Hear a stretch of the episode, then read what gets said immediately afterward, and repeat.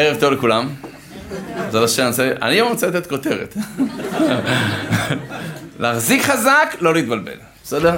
להחזיק חזק, לא להתבלבל. איזה גבר חזר הביתה, סתם, לא עד כדי, עד כאן, עד כאן הרב. אנחנו לא הולכים לעשות גם קולות של צחוקים, בסדר? כן. נקודה עיקרית, יקיריי, באמת אני אומר את זה לעצמי, להחזיק חזק, לא להתבלבל. כי סך הכל, החיים מלא אתגרים. אני פעם כתבתי לעצמי מכתב, אה, מכתב, כאילו משפט. תקווה לטוב, או תתכונן, תקווה להכי טוב, ותתכונן להכי גרוע. תקווה להכי טוב שבעולם, אבל תתכונן להכי גרוע. כי שניהם נכונים. שניהם נכונים. בסך הכל אנחנו חיים בעולם שבאמת יש לנו את כל האופציות להיות מאושרים, ולכאורה, אתה מבין? כמעט 100% זה ישתנה. פה אמרנו, משהו כזה. לטוב ולמוטב. אני אומר את זה בכוונה מכיוון שיש לנו את כל האפשרויות היום להיות מאושרים, באמת אני אומר לכם. תבינו, היה מאמר שיצא ב-1920 של זיגמונד פרויד, שהוא בעצם כתב, מעבר לעקרון העונג, הוא קרא לזה, הרעיון העיקרי של פרויד, שהיה באמת אבי אבות הפסיכולוגיה הבהביוריסטית לפחות, הוא טען שהמקסימום של הבן אדם זה לא לסבול. ה top, ה top, לאן אמור לשאוף? מה שנקרא סכום אפס. שלא תסבול. אם אתה לא סובל, אחי אתה בגן עדן. זה הגן עדן על פי פרויד. די מדכא, די מייאש. הרגשה כאילו, אז בשביל מה כל העסק הזה, אתה מבין? כי הוא הלך על נקודה אחת מאוד חשובה, שהיא נכונה, אבל היא לא עיקר האדם. הוא הלך לעקרון העונג. אנחנו רוצים ליהנות, אני רוצה תאוות, אני רוצה לספק לי כל מיני צרכים שיש לי. זה נכון, זה יגרום לי הנאה, אבל זה לא יגרום לי אושר. בטח לא לאורך זמן. אתה תראה את הקיצוניות שזה התמכרויות. זאת אומרת, בהתחלה אני רדפתי אחרי זה, זה עשה לי טוב, אבל... אתה זה נותן לי רגעי אושר, ואחרי זה אני לא מסופק מזה, זה לא עושה לי טוב, אני מתוסכל אפילו ממה שעשיתי. ואז נכנסו כבר שני מרכיבים נוספים, שלאט לאט הכניסו טיפה יותר זווית רחבה. אחת זה מושג של ביקוש, סיק הם קראו לזה. ביקוש. ביקוש זה כבר לא רק המטרה, אלא הדרך. לא רק השגת ההנאה או השגת המטרה, אלא גם הדרך. לא רק הסוף, אלא גם האמצע. יש כביכול, יש את הפורפליי, אוקיי? זהו. זה חשוב לא פחות מהסוף. יש את הדרך, אתה מבין? והדרך היא מה שכבר מתחילים לדבר עליה יותר כמשהו עיקרי בחיים. לא רק סתם הנאות כאלה ואחרות, אני רוצה את הדרך. רוצה שלי שאיפה ואני בדרך, גם זה גורם לי אושר, גם זה נותן לי תקווה. עכשיו, בדרך הזאת יהיה לך מלא עליות וירידות. יהיו לך בשורות טובות, ובשורות ממש לא טובות. יהיו לך תקופות מגעילות, ותקופות ממש טובות. אז כמה כללים איך אני עובר את הדרך ואחרי זה נתקדם הלאה. נקודה ראשונה, אדם לא באמת יודע מה טוב לו. תקשיבו טוב, אדם לא באמת יודע מה טוב לו.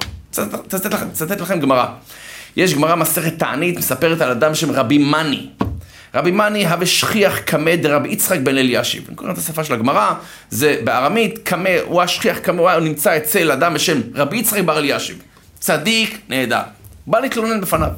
אומר לו ככה, עתירא דבי חמי, כמצערו לי, העשירים של בית חמי, מצערים אותי.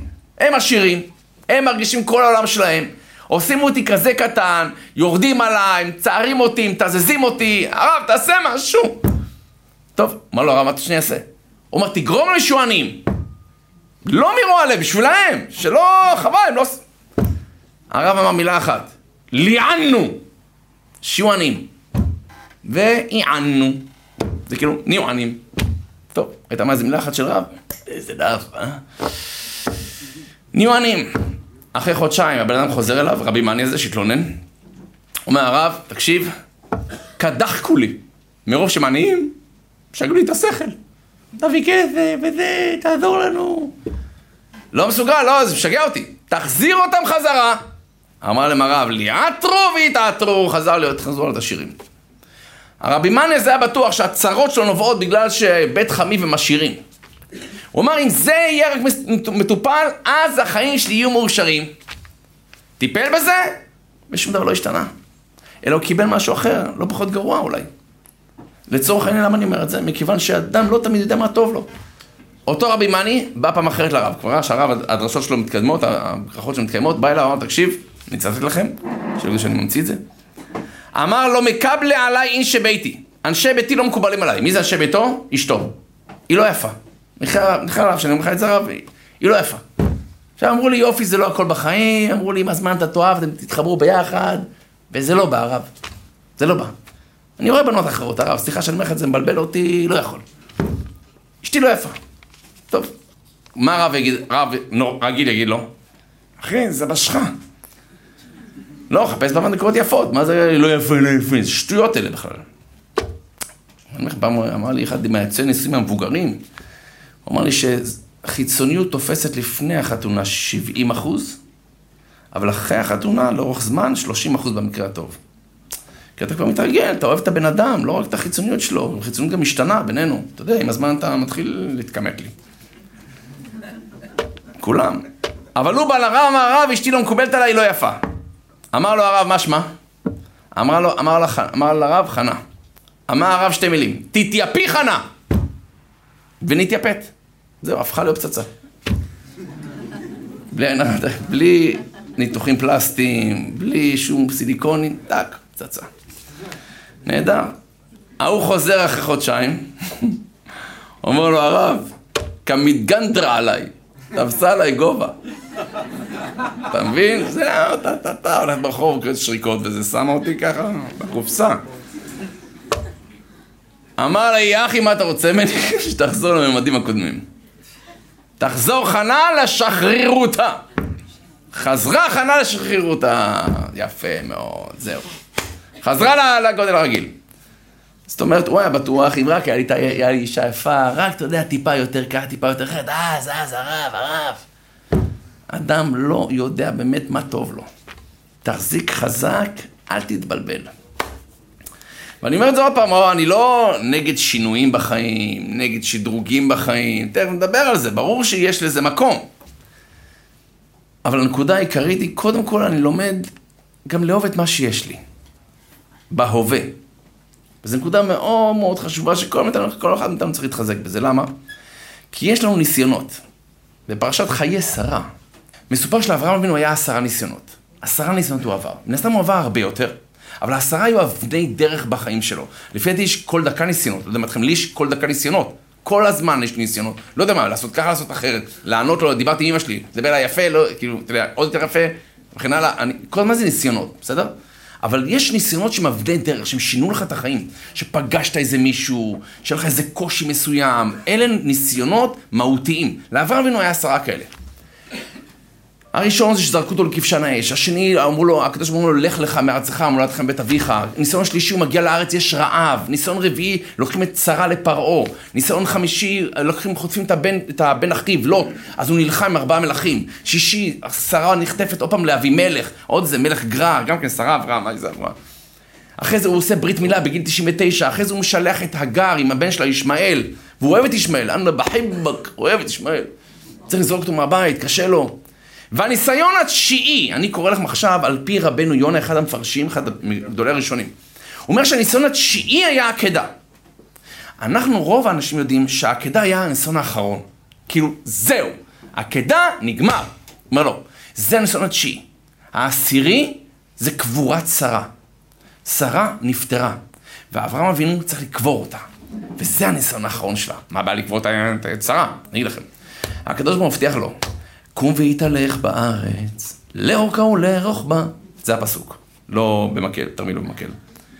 הקדוש מבטיח לאברהם אבינו, לך, קום והתהלך בארץ, לאורכה ולרוחבה, ולך אתננה. כל הארץ זו אני נותן לך אותה. הוא בא לקבור את שרה, אין לו אפילו מקום לקבור אותה. הוא צריך לקנות אותה, את הקבר מעפרון, של 400, מה זה? למה? הוא היה צריך להגיד לקדוש ברוך הוא, כאילו, חלאס, מה נסגר איתך פה? תן לי רק לקבור אותה, מה אני צריך גם לקנות את זה? ופה זה השיעור עבורנו. כי הייתי חושב שניסיון העקדה הוא ניסיון האחרון באמת, זהו, אין יותר קושי. לא. תזכור דבר אחד. הרבה פעמים, אני מדבר על עצמי. יש לנו רגעים קשים בחיים, וכשאתה עובר רגע קשה, אתה רוצה להרגיש, זהו, עברתי את זה. עכשיו, תן לי חודש שקט. ולא עובר שעה, אני אומר לך. לא עובר יום. הנה עוד פעם הבלאגן מתחיל. כאילו הייתי בטוח, עברתי את זה, אתה יודע, זהו, גמרתי מהעקדה, חבר'ה, קיבלתי תואר. אתה יודע, כמו שזורקים את הכובע, כאילו, זהו, שורפים את הספרים, שמותו כל המ... כאילו, אתה יודע, שרפו את הבית ספר מצידי. סיימתי, זהו, אני שורף את המחברות, שורף הכל. לא, בוא, יש לך מחר עוד, עוד מבחן. מה המבחן? זה החיים. החיים זה לדעת שזה אף פעם, אף פעם, אף פעם לא נגמר. לכן תחזיק חזק, אל תתבלבל. שוב פעם, לכל כיוון. אל תתבלבל, זה חלק מהמערכת, זה חלק מהסרט, מה שנקרא. הנקודה הראשונה שדיברנו עליה זה שאנחנו לא באמת יודעים מה טוב לנו. באמת, אני אומר לך, כל מה שקורה, לא יכול להגיד לך מה טוב, מה רע. דבר שני, חכו לסוף. חכו לסוף. אל תקפצו למסקנות לפני הסוף. עוד פעם, לטוב או לרע. לטוב או לרע. אחד כתב חיבור כזה, אתה יודע, יש שיעור אה, חיבור, לא קוראים לזה. אז הוא כתב חיבור, אז המורה מסתכלת על החיבור ואומרת, יוסי, מצאתי לך חמש שגיאות, אז הוא מבסוט, יופי, רק חמש שגיאות, עכשיו בוא נעבור למשפט השני, אומרת, לא. זאת אומרת, לצורך העניין, חכה לסוף. עכשיו, מה זה חכה לסוף? כל אחד מאיתנו יש לו לפעמים שאלות על מה שקורה לו. טוב, אז בואו נספר לכם את המדרש. המדרש אומר ככה, מעשה ברב לזר, רבי יהושע ורבי עקיבא שהלכו לחולות אנטוכיה. המדרש מספר, ויקרא רבה, יש מדרש, גם מדרש רבה, בספר ויקרא, הוא מספר את המעשה הבא. שלושה תנאים, רבי יהושע, רב לזר ורבי עקיבא הלכו אל חולות אנטוכיה. למה? לעשות מגבית לצדקה למשפחות נזקקות. והם מגיעים, הגיעו תמן לשמה, היה שם חד ברנש בשם, אבא יהודן. היה אחד אבא יהודן. יהודה יהודן, יא יהודן. ואבא יהיב פרנסה בעין טובה. הוא היה אחד שמפרגן כסף, חבל הזמן, משחרר, הוא היה עשיר ומשחרר. פעם אחת ירד מנכסיו. ירד מנכסיו. וראה את רבותיו שם. עכשיו, הרבנים באים אליו. עכשיו, אין לו כסף. ובאמת אין לו כסף. וזו הרגשה מאוד קשה. ונתכרכמו פניו. נהיה לו פנים של אה, כורכום. כאילו, אתה יודע, כאילו... אני סיפרתי לכם פעם, כשהייתי בלוס אנג'לס, זו הרגשה מה זה נוראית. הייתי בלוס אנג'לס אצל בן אדם ממש עשיר, אבל ממש ממש עשיר, אני אומר לכם. אני זוכר אותו בתקופה הטובה שלו, אנשים קינאו בו. יש לו וילה ענקית בלוס אנג'לס, הוא היה נשוי, עם אישה מדהימה, הזוגיות שם הייתה מדהימה, כאילו, אמרת, אתה יודע מה? בוא'נה, יש בן אדם פה שקיבל הכל. לא יודע מה, יש מרזב של טוב, קיבל הכל. ככה היה, הוא, הוא, הוא ישראלי, שהצליח בקנה מידה, וגם לא תגיד לי, הוא למד 200 אלף שנה, כולה נדל"ן, אחי. ואז לא הייתי שם איזה חמש שנים, פחות או יותר, הייתי אבל לא במקום שלו, פוגשתי אותו אחרי חמש שנים, הבן אדם ירד לגמרי, התגרש, נפל בביזנס, גר במכונית, גר במכונית, אתה יודע מה זה? והוא אומר לי, אתה יודע אבל מה הכאב הכי גדול שלי? זה הנקודה הזאתי. אנשים התרגלו שהוא נותן צדקות. באמת, הוא היה נותן מלא, אני מכיר אותו, הוא נותן מלא.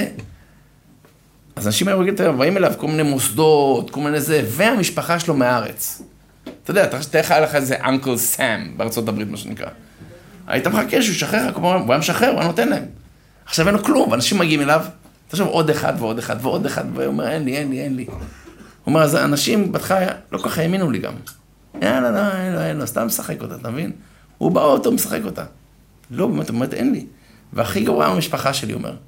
המשפחה שלי לא האמינה לי, הפסיקו לדבר איתי. אתה יודע איזה הרגשה זאתי? טוב, בקיצור, אז הרב פה אומר, נתחרקמו פניו.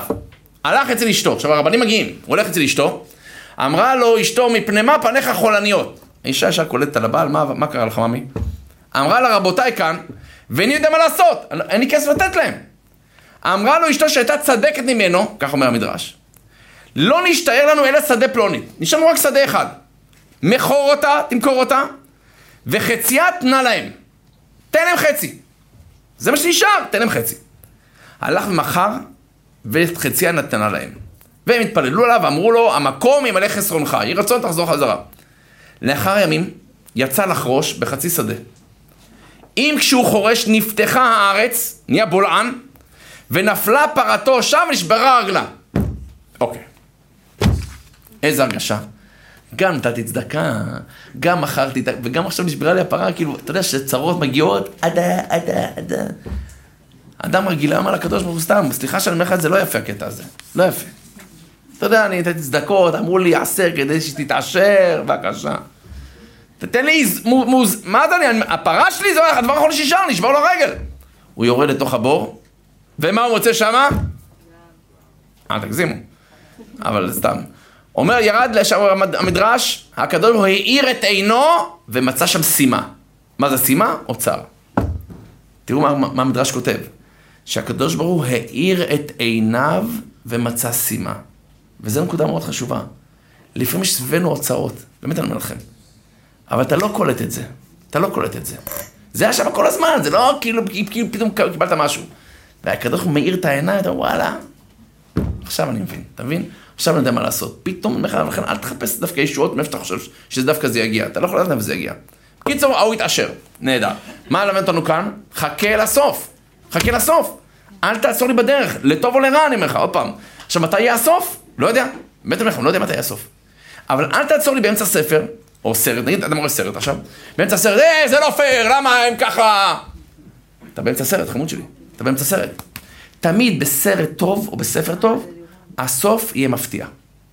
תמיד הסוף יבוא בכיתה, הופ, וואלה, איזה קטע. לא חשבתי בדיוק שזה יסתדר, טאטה. אם הסוף ידוע מראש, משעמם. Mm. מההתחלה ידעתי שזה יהיה הסוף. הוא ידעת שהוא מתחזה. חכה לסוף. אפרופו חכה לסוף, יש ספר נקרא חובות הלבבות. בשער הבחינה, בפרק ו'. ספר עוד סיפור ככה עם uh, מעניין. הוא אומר, תקשיב טוב. כי הרבה המאורעות ומרבעות עלינו, שלא ברצוננו, הופכות בסופן לטובה. יש הרבה מאורעות בחיים שבסוף יתהפך לטוב.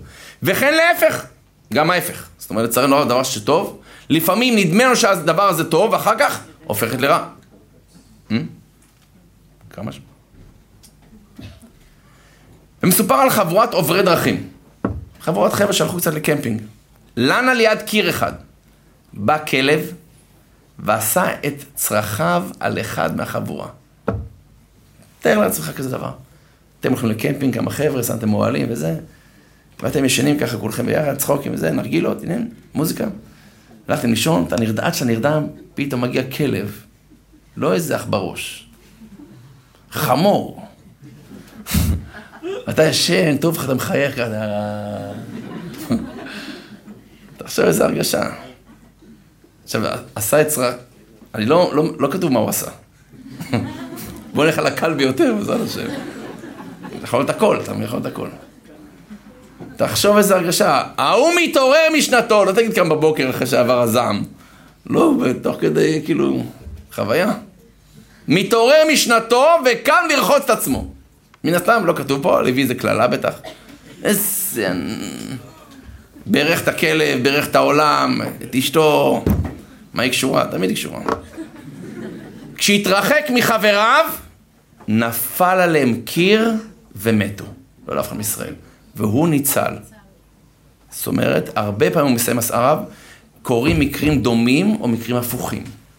זאת אומרת, שוב פעם, אל תתבלבל, תחזיק חזק. קרה מה שקרה, אל תתבלבל, תחזיק חזק. ואני אומר פעם, כולם מכירים את הסיפורים האלה, אבל זה סיפורים שמבחינתנו הם חשובים, לכן לא סתם התנ"ך מספר לי את זה. לא סתם התנ"ך מספר לי אחד בשם דוד המלך, שכולם מכירים אותו, ותהילים וכן הלאה, אבל הבן שלו רוצה לרצוח אותו. הבן שלו, אבשלום, רודף אחרי אבא שלו, פוגע לו בנשים שלו, דוד אמר לו כמה נשים, פוגע בנשים שלו, מצייר את האבא שלו, מחפש לרצוח אותו, לא סתם אה, לעשות לו פרצופים בחלון, לרצוח אותו. ודוד הולך בורח, מרגיש על הפנים, על הפנים, ואז דווקא ברגע הזה שהוא הולך אבל וחפוי ראש, הוא מחז"ל שהיה את הסיפור שכולם מכירים אותו, ששמעי בן גרה בא ומקלל אותו, אומר לו, צא טמא! אתה מבין? דווקא אז, כאילו, אם אני אקריא לכם את הפסוקים, לא, זה בכלל קורא לו צא טמא, מקלל אותו, רוגם אותו באבנים. הסיפור הכי ידוע על דוד המלך. עכשיו, דוד המלך יש לו צבא, יש לו שר צבא כמו אבישי בן צרויה. אבישי בן צרויה, תביא, אני מוריד, מוריד לו את הראש, אז זה מוריד את הראש. אומר דוד, לא, השם אמר לו, כלל. עכשיו תבין, אני, למה אני הולך לכם את זה? כי, אני לא יודע מה איתכם, לי, לפעמים יש תקופות ככה ככה. כשאני בתקופות ככה ככה, עדיף לא לעצבן אותי. דווקא שאני, שאני כאילו חצי בדיכאון, מה שנקרא, אתה תוציא את העצבים על מישהו. אם הוא היה מגיע אליו, לצורך העניין, איך קוראים לו, אבישי בן, השמי בן גרז היה מגיע אליו כשהוא בתקופה טובה, הוא מלך, מישהו מקלל אותו, שיקלל עד מחר. לא אכפת לי בכלל, לא נפגע מזה. זה קרה לו בתקופה לא טובה שלו, שאז אדם הוא רגיש. לא יודע מה איתכם, לי יש תקופות, אני אומר לך שאני הולך כזה עצבני, ואז אני רק רואה מישהו מעצבן אותי כבר. אם, אני, אני מחזיק את עצמי. סתם, אני אומר לך, אני בא אפילו לבית כנסת, ויש אנשים, בא לתפוס מישהו, סתם בשביל להוציא לו את העצבים פה, זה מעצבן אותי. אני אומר את זה בכוונה מכיוון שתחשוב, דוד המלך דווקא בתקופה חלשה שלו, אז מגיע אותו ניסיון לשמי בן גרה, דווקא אז. תחזיק חזק, אל תתבלבל. אותו דבר ההפך. יש שיר של דוד האור, הוא כתב על זה, הלחין על זה שיר. לא גבה ליבי, ולא רמו עיניי, ולא הילכתי בגדולות ונפלאות ממני. מה זה, ולא, מה זה לא, ולא לא רמו עיניי? ולא גבה ליבי? מתי דוד המלך אמר את זה, אתם יודעים? מתי דוד המלך אמר, לא רמו עיניי. העיניים, כאילו לא הרגשתי על הסוס.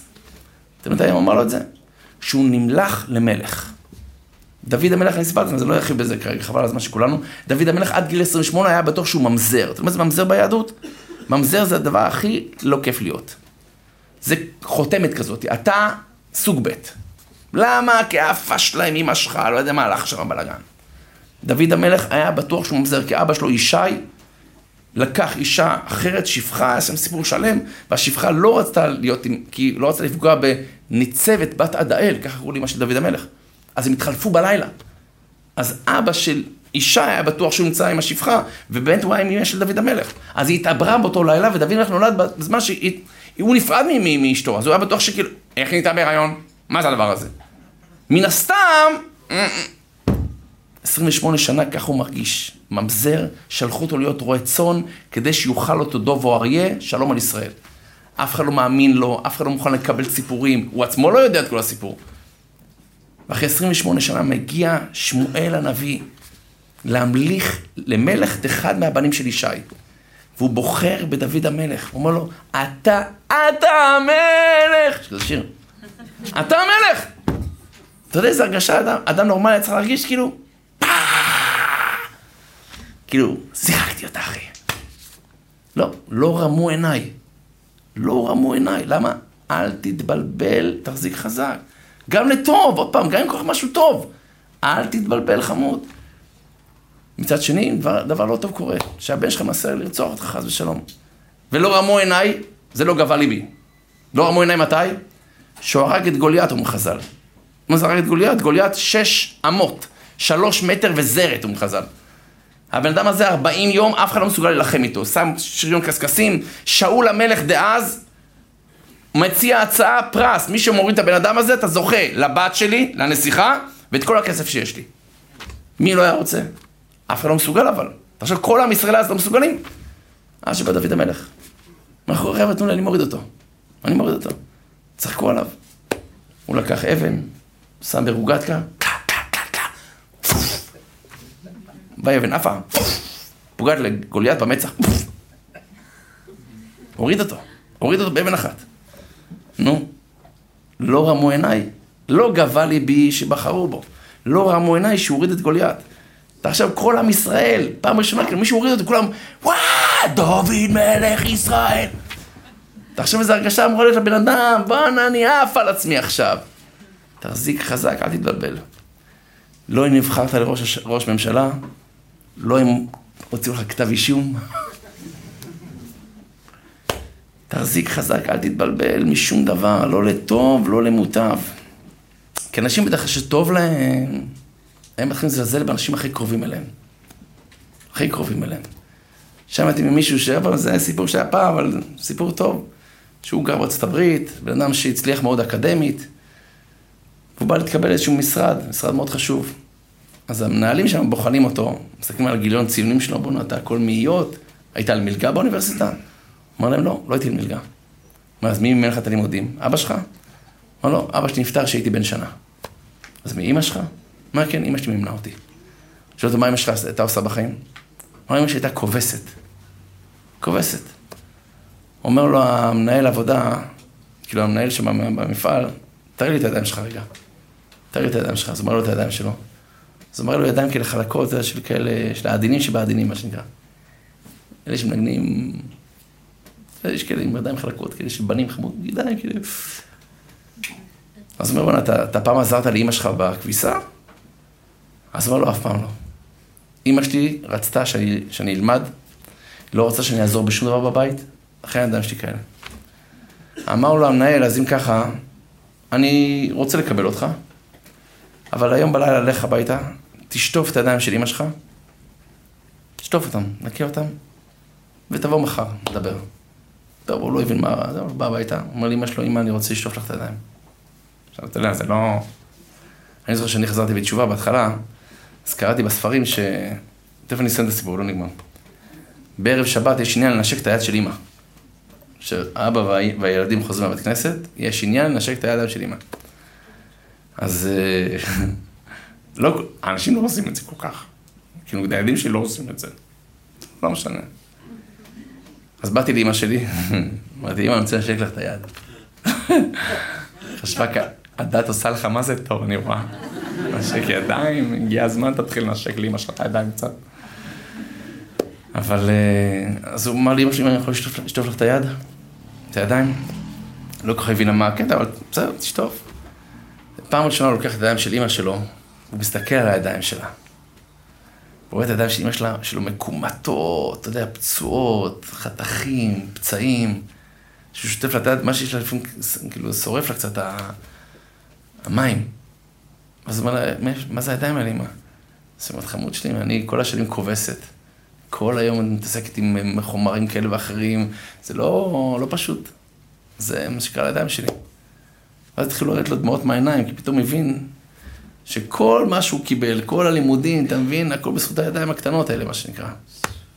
ואני אומר את זה לעצמנו, מכיוון שעוד פעם, אל תתבלבל, תחזיק חזק. כי כשאתה הולך לך בחיים, וברוך השם, אתה יודע, הוא אקדמאי, הולך להתקבל למשרד רציני, אמא שלו כובסת, אתה מבין, יאללה, יאללה. אני אומר את זה בכוונה, מכיוון שכל אחד מאיתנו, בזמנים טובים, גם כן תחזיק חזק, אל תתבלבל. אבל בעיקר בזמנים יותר חלשים. איך עושים את זה? כמה דברים שכתבתי לעצמי. האחד, החיים זה גלגל. פירוש הדבר, מה שאתם רוצים לקבל, תשקיעו. אני ראיתי את זה כמה פעמים, לא יודע אם אמרתי לכם את זה, אבל אני רואה את זה הרבה פעמים גם אצלי, גם אצל אנשים שסביבי. מה שאתה רוצה לקבל, את זה תיתן. כל הפוסל במומו פוסל פירוש דבר, אני ראיתי את זה על עצמי, לא אישית, כאילו, אבל ראיתי שאנשים מדברים איתי ואני מסתכל על זה מהצדדים. למשל, לצורך העניין, אם מישהו אומר לי, אישה מתקשרת אליי, אומרת לי, הרב, תקשיב, קשה לי עם בעלי. מה קשה? היא אומרת לי, תקשיב, הרב, אתה תשפוט, היא אומרת לי, אבל אני חוזרת עייפה מהעבודה, על יום ממש ממש קשה, אני מצפה שאני אבוא הביתה, שמישהו קצת ידאג לי, יקשיב לי, יפנק אותי, יחשוב עליי, ייתן לי תשומת לב. אמרתי, בסדר, לגיטימי. מה עם בעלך? למה הוא לא עושה את זה? אומר לי הרב, הוא מתחיל להגיד לי, היה לי יום קשה, עבדתי קשה, מה כבר ביקשתי? רוצה שמישהו תפנק אותי, תהיה איתי, תקשיב לי. זאת אומרת, שימו לב טוב, בדיוק מה שהיא רוצה, גם הוא רוצה. בדיוק מה שהיא מתלוננת שהוא לא נותן לה, הוא מתלונן שהיא לא נותנת לו. עכשיו תבדקו את זה בהרבה מאוד דברים בחיים. כל מיני דברים, סתם דוגמא, אמא אחת מתקשרת אליי, אומרת לי, אה, הילדים שלה מתלוננים, משעמם להם, אין להם מה לעשות, אה. היא אומרת, הם לא קוראים ספרים, הם לא, לא, לא, לא, לא. אותה אימא, אותה אימא, דיברה איתי לפני איקס זמן, ואמרה לי, שעמם לה. החיים משעממים. אין, שום דבר לא קורה, כאילו, את קוראת ספרים? לא, לא קורה, לא, משעמם, כל החיים אותו דבר, אותו דבר, אותו דבר. כמו שהיא התלוננה על הילדים שלה, היא התלוננה על עצמה, זה אותו דבר. תשימו לב לזה, כל הפוסל במומו פוסל. או להבדיל, מה שאתה רוצה לקבל, תיתן. תבדוק מה אתה רוצה לקבל בחיים שלך, זה תיתן, בסדר? ואני אומר עוד פעם, גם אם תיתן, לא תקבל את זה בשנייה באותו רגע, כי יש אישה, תגיד לי, הרב, אני נותן, לא נותן את כל החיים שלי, לא מקבל שום דבר חזרה. מאוד ייתכן שאני אשמע את זה מבעלה, הוא יגיד לי אותו דבר, אני נותן, נותן, נותן, ואני לא מקבל שום דבר חזרה. זאת אומרת, זה יהיה, אתם תראו שזה יהיה דואלי. למרות שהיא תגיד, הרב, הוא לא נותן לי שום דבר, אבל הוא יגיד, אני נותן את החיים שלי. בשביל מי אני עובד? בשביל מי? זאת אומרת, כל אחד עם, עם התפיסה שלו בראש, מה זה נקרא נתינה. אבל אתם תראו שגלגל חוזר בעולם. ולכן אני אומר עוד פעם, החיים זה גלגל. מה שאתם רוצים שיגיע אליכם, תשקיעו אתם לפני כן. אתם רוצים שהחיים שלכם יהיו מעניינים? תהיו אתם מעניינים. אתם רוצים שיקשיבו לכם? תקשיבו אתם לאחרים. אתם רוצים שייתנו לכם? תיתנו אתם לאחרים, וכן הלאה. מה שאתה רוצה, תקבל. זה תיתן, זה דבר ראשון. דבר שני, כתבתי לעצמי, שמשמעת היא אם כל המידות הטובות. משמעת הם כל המידות הטובות. ראיתי מחקר מאוד פשוט, מן הסתם מכירים את הדברים האלה. כל אדם יכול לעשות דיאטה בחיים. קח איזה דיאטה שאתה רוצה, מלאכול מלפפונים ועד חצי יום לצום, חצי יום לאכול, יש כל מיני קומבינות כאלה. בין חמישה לעשרה אחוז ממשקל הגוף שלך שאתה יכול להוריד. כולם יכולים לעשות את זה, וכל דיאטה היא טובה, אין, אין אחת יותר טובה משנייה. למה כולם נשארים שמנמנים? מה זה בתכלס? כולם נשארים שמנמנים. יש בודדים שירזו. רובם הם, אה, הרי את מקודש לי בטבעת זו. עשו איזה טבעות, הם קיצורים, עניינים. אבל תכלס, יש כאלה שירזו, יש, לא מה שלא. הרוב עשו וחזרו. למה? מה הבעיה? בעיה אחת. קשה לוותר על גלידה. זהו, קשה לוותר על גלידה. גלידה זה רק רעיון. לכל אחד מאיתנו קשה לוותר על משהו. ואז אני מוכן להשקיע זמן מסוים, אני מוכן להתנזר ממשהו מסוים, אחרי איקס זמן אני חוזר בדיוק למצב שלי. בדיוק למצב שלי. מאוד מאוד קשה להשתנות, בפרט אם זה לא אורך זמן. אני מוכן חודש, חודשיים, חצי שנה. רק אתם צריכים לזכור שעוד פעם, היהדות מכניסה לתמונה דבר שנקרא יצר הרע. ויצר הרע לא רק בדיאטה, הוא יערוב לנו בצד עד 120. לכן אדם יכול להגיד לרב, אני נקי כבר תקופה, חצי שנה הייתי נקי, שנה אני לא עושה שטויות, ופתאום תהיה נפילה למתחת לרצפה, אני אומר לכם. איך זה יכול להיות? בואנה, שנה אני בסדר, שנה אני בסדר, שנה זה המון יחסית, עכשיו כל יום זה מאבק לפעמים. ופתאום התרסקות עד רצפה. לא לשכוח, אני אומר לכם, על פי היהדות יש מישהו שאורב לנו בצד, כל הזמן מחכה לנו לרגע של עת רצון מבחינתו. לכן לא להישבר, גם אם נפלנו, אני ממשיך חזק, להחזיק חזק, לא להתבלבל, אמרתי לכם. לא מנפילות, לא מהצלחות, גם אם אני שנה הצלחתי, ברגע שתחשוב שאתה כבר מעבר לבעיה, זהו, אתה כבר משוחרר ממנה, אתה תיפול. לכן יש גרסה כזאת, אמרתי לך, אני לא מסכים איתה לגמרי, אבל הגרסה של ה... מה שנקרא של ה-12 steps, ה-AA גם משתמשים בזה, של להגיד, אני מכור. גם אחרי 20 שנה שאני נקי, אני, אני מכור. זה לא שאני באמת מכור, אבל אני צריך להזכיר לעצמי שאל תנוח על זרי דפנה. לכן מישהו נפל פעם במשהו, כל אחד מאיתנו, אל תביא את עצמך למצב של סכנה נוספת. ותגיד, לי זה לא יקרה הפעם. לא, הרב, אני למדתי מניסיון. יש כל מיני דברים. חוסר נאמנות, כל אחד מאיתנו יש לו את הניסיונות שלו. אם אני רוצה להיות ודאי שזה לא יקרה לי עוד פעם, אסור לי להיות במצב שאני יכול ליפול. כי אם אני אפול, בפרט אם נפלתי כבר פעם, אני, אני אפול. אני לא יכול להגיד לי זה לא יקרה, אתה מבין? אדרבה, אני אשתדל לשמור על עצמי כמה שאני יכול יותר. נקודה נוספת, כתבתי לעצמי, אמרתי לכם, משמעת זה אם כל המעלות. זה בלתי אפשרי לאהוב מישהו שלא אוהב את עצמו. בלתי אפשרי לאהוב מישהו שלא אוהב את עצמו. תבדקו אם יש לנו בעיות בזוגיות שלנו, בקשר, במערכות יחסים שלנו. אם אדם לא אוהב את עצמו, בלתי אפשרי לאהוב אותו. הוא לא ייתן הוא לא ייתן שיאהבו אותו אפילו. יהיה לו קשה לקבל אהבה מאחרים. הוא תמיד יחשוד שלא באמת אוהבים אותו. איך כן גורם שהוא יאהב את עצמו? אז קודם כל ודאי מחמאות, פחות ביקורת, אבל לא סתם מחמאות.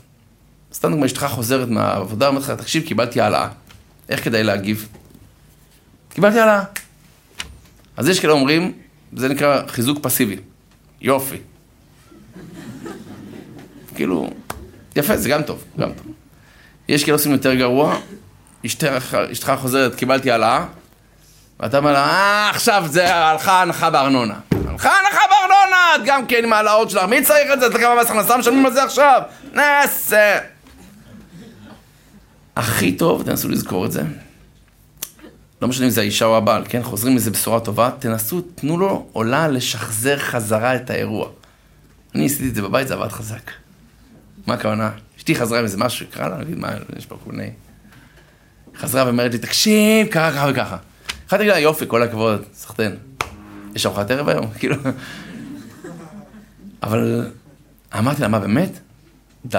כאילו, א', זה מגיע לך, אני אומר לך, מה זה מגיע לך? אני פשוט קראתי מאמר שכתבת לפני שבועיים, אחד המאמרים, אני אומר לך. אחד המאמרים.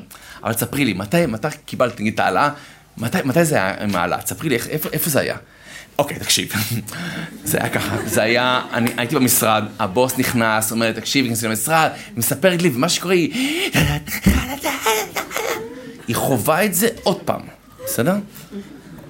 ואז אתה גורם לבן אדם באמת לחוות את החוויה שוב פעם, והוא נהנה עוד פעם. ואז הוא מרגיש שאתה שותף. היא תרצה שתהיה שותף. לכן היא מספרת לך. לא כדי לתת לך מידע איפה היא הייתה. הנה, תקשיב, עשיתי ככה וככה. היא רוצה כאילו, אתה לא היית שם, אז בוא תהיה איתי שם. אז היא רוצה להכניס אותה לתמונה, תכנס איתה לתמונה, תכנס איתה. מה היה, באמת? כאילו, אבל תספרי, לא, תספרי לאט לאט, כאילו... מה, באיזה שעה זה היה, כאילו? מעיין את הסבתא שלך! לא קשור, יקיריי, לא קשור. ולכן אני אומר את זה בכוונה, מכיוון ש... צריך לחכות לסוף. אבל אמרנו שבלתי אפשרי לאהוב מי שלא אוהב את עצמו, וזו נקודה מאוד חשובה, לכן תעשו לי טובה, אמרתם את זה כמה פעמים, בואו נהיה קצת סובלנים כלפי עצמנו, וכן בואו נאהב את עצמנו. כן נחזק דברים טובים שלנו, כן נראה את הדבר, הצדדים הטובים שלנו, כי אנחנו עושים דברים לא טובים וזה מאוד שובר אותנו. לכן הדבר האחרון, כמעט אחרון, זה אי אפשר לדעת איך השני מרגיש באמת. אי אפשר לדעת איך השני באמת מרגיש אבל. הראש של הבן אדם שאתם מסתכלים עליו, והלב שלו, זה כמו יער אבות. מה זה יער אבות? זה אין סוף חדרים, אין סוף מקומות. וגם אם אנחנו חושבים שאנחנו מכירים אחד את השני, אנחנו לא מכירים בכלל, כי היא לא תספר לך באמת מה היא מרגישה. הוא לא יספר לך באמת על באמת מה הוא מרגיש. גבר יותר פשוט, הוא לא... אבל זה מורכבות. כשאתה בא לפגוש בן אדם, אתה בא לדבר עם בן אדם, אתה בא לראות בן אדם שעבר משהו. המוח של אדם זה יער אבות, אני אומר לך, הלב שלו, אין, אין, אין לו סוף. למה אני אומר את זה? כי אני אומר את זה מכלל סיבה אחת, אה, עשרה ניסיונות נשא אברהם אבינו. אמרנו שהניסיון האחרון, הוא לא היה דווקא עקדה. הוא היה דווקא ניסיון של לקבור את אשתו. כי ניסיון העקדה, חז"ל אומרים, למה זה, לא, למה זה לא הכי קשה? כי הקדוש ברוך הוא אמר לו שני דברים, ומפה תלמד איך להתנהג בחיים שלך. הקדוש ברוך אומר לו, תדע לך, ביצחק היא קראה לך זרה. הילדים שלך, אתה שושט מיצחק אבינו. פתאום אלוקים אומר לו, בוא תשחט אותו. אוקיי, מה שתגיד. הוא בא לשחוט אותו, בדרך יצרה נפגש איתו, ואומר לו, תקשיב, אתה לא נורמלי, אם אתה שוחט את הבן שלך, זה ההפך מה שאלוקים רצה. זה ההפך מה שאלוקים רצה, אל תעשה את זה. ואברהם אבינו אומר לו, אף על פי כן. הוא בא לשחוט אותו. מי שיודע, על פי הקבלה, ליצחק הייתה נשמה של אישה. מה זה אומר?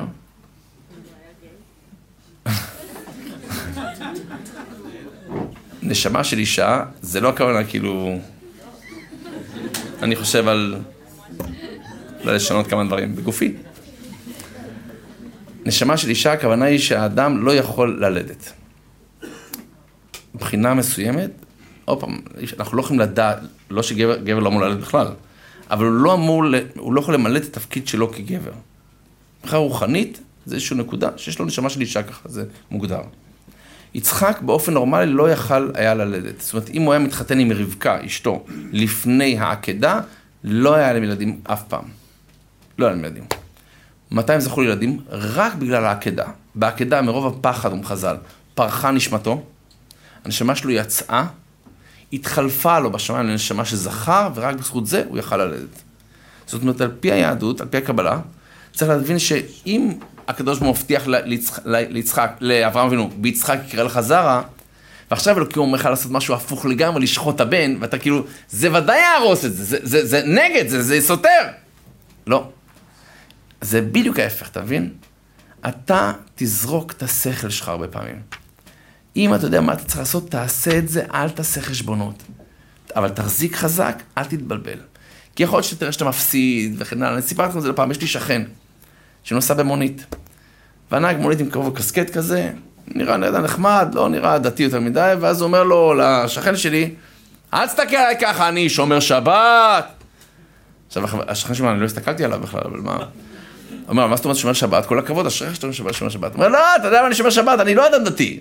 אני שומר, אבל אתה יודע, זה... אני לא ממש ממש דתי. הוא אומר, מה הוא מספר לך, הוא אומר, אני לקחתי פעם מישהו מכפר חב"ד, הוא מספר לו, יהודי מכפר חב"ד, והייתי אמור להסיע אותו לרמת גן לאנשהו, אני מסיע אותו לרמת גן, ומרמת גן אחרי זה לכפר חב"ד. טוב, אני מסיע לרמת גן, ואז הוא אומר לי, הבן אדם, תקשיב, אין לי ארנק. אין לי ארנק. אני לא... לא יודע מה לעשות לך, אני לא... כנראה איבדתי את הארנק, לא יודע מה לעשות. עכשיו, אם אתה נהג מונית ומישהו אומר לך, איבדתי את הארנק, מה אתה עושה? או נועל את הדלת, או כאילו, תבין, לוקח אותו לתחנת המשטרה המקומית. אומר לו, תקשיב, אני, אני, אני, תיקח אותי הביתה, לכפר חב"ד, אני אומר לך, זה, פה, זה הכתובת שלי, זה השם שלי ככה וככה, תבוא מחר, אני אשלם לך את הכסף. טוב, אומר, הוא היה נראה לי יהודי אמיתי, זאת אומרת, הוא לא נראה לי שקרן, ראיתי איפה הוא גר, אמרתי, אין בעיה, אם, הוא לא לי את הכסף מחר, אני אביא לו אנשים הביתה. הוא אומר, למחרת הגעתי אליו הביתה, הוא יוצא לקראתי, הוא שילם את כל הכסף. הוא אומר לי, אבל עוד דבר. הוא אומר, תקשיב, אני אדם שברוך השם יש לי כסף. ברוך מצאתי את הארנק, הכל בסדר, יש לי, יש לי כסף. אתה נהג מונית? מן אתה עובד גם בשבת. מן אתה עובד בשבת. בוא תגיד לי כמה אתה מרוויח בשבת, ונעשה עסק. תביא לי שלושה חודשים האחרונים של משכורת, אם אתה, אם אתה מדווח, מה שנקרא. שלושה חודשים משכורת, תפסיק לעבוד בשבת, אומר לו, תפסיק לעבוד בשבת, תביא לי שלושה חודשים מעכשיו והלאה, ואני סוגר לך את הפערים, בסדר? רק אל תיסע בשבת, מה אכפת לך? אני מתחייב, אני חותם לך פה, אני אמלא לך את חסרונך, מה שנקרא. מן הסתם אתה תרוויח פחות, אתה יודע, גם שכר שבת, גם אתה מרוויח כפול, אה? אתה לא עובד בשבת, כמה שאתה מפסיד, אני מממן לך את זה. מה אכפת לך? תקבל יום חופש, מה? אומר, אתה- אתה תחתום לי איזה מעורך דין גם? אומר, איך אתה מחייב שאתה רוצה, אבל תראה, אתה תהיה אמיתי, אני אהיה אמיתי עד הסוף. הנהג מונית מספר לשכן שלי, זה לא סיפורים כאילו, אתה יודע, שההוא סיפר להוא. הנהג מונית עצמו מספר לשכן שלי, הוא אומר, מאז אני שומר שבת, 16 שנה לא באתי אליו. אתה יודע למה? אף פעם לא קיבלתי פחות. אף פעם לא קיבלתי פחות. עכשיו, למה אספר לכם את זה? זה סיפור יפה, חזק וברוך. אני מכיר אנשים שהתחילו לשמור שבת, וקיבלו לא פחות, רבע. מה עכשיו? בכוונה אני אומר את זה, למה? אדם, אל תעשה ביזנס עם בורא עולם. כאילו, אוקיי, אם אני מרוויח, אלוקים אני איתך. אבל אם אני מפסיד, אה, ציגה למה. אם זו האמת, לך עם האמת עד הסוף. אם זה לא האמת, אל תעשה כלום. ואני אומר, זה נכון גם בזוגיות, זה נכון בעבודה, זה נכון בכל מיני דברים. לא רק שאשתי נחמדה אליי, אז אני נשאר איתה, ואם לא נחמדה, אז אני חותך. לא בגלל שהילדים שלי נחמדים אליי, אז אני איתם, ואם לא נחמדים אליי, אני זורק אותם, חס ושלום. לא קשור, כמו שהם לא עושים לי? אני מקווה שלא יעשו לי את זה. אם אבא נחמד אלינו, נשאיר אותו. לא נחמד, שלח אותו. אני אומר את זה בכוונה מכיוון שכל אחד מאיתנו יש את הניסיונות שלו. והניסיונות, תזכרו, הם דווקא בתחום שקשה לך. דיברנו על זה שבוע שעבר, שלכל אחד מאיתנו יש איזו נקודה שזו, הוא הכי חלש. אז אני לא אומר, לפעמים יש אנשים שעושים דברים שאוקיי, לא שייך. לכן אמרתי לכם שאנשים מחפשים אחרי הנאות. הבקשה, הסיק, זה הדבר השני. הדבר השלישי זה נתינה. הם שני הגורמים העיקריים היום לאושר. אחד זה בקשה, כאילו כלומר אני רוצה להגיע למשהו, איזושהי מטרה בחיים שלי, והדבר השני זה נתינה. אדם שנותן, הוא יהיה הרבה יותר מאושר מאדם שלא נותן. ופה זה המסע של החיים שלנו. לחשוב איך אני יכול לתת. איך אני יכול לתת לאחרים, איך אני יכול לתת לעצמי, שיהיה לי טיפה סיפוק. אני רוצה בעזרת השם לאחל לכולנו, שנזכה לשבת שלום, ממש שבת רגועה, שבת של התעלות, שבת שנזכור, תחזיק חזק, אל תתבלבל, לא לטוב, בטח לא לרע. שמחזק את כולנו, תודה רבה, שבהצלחה.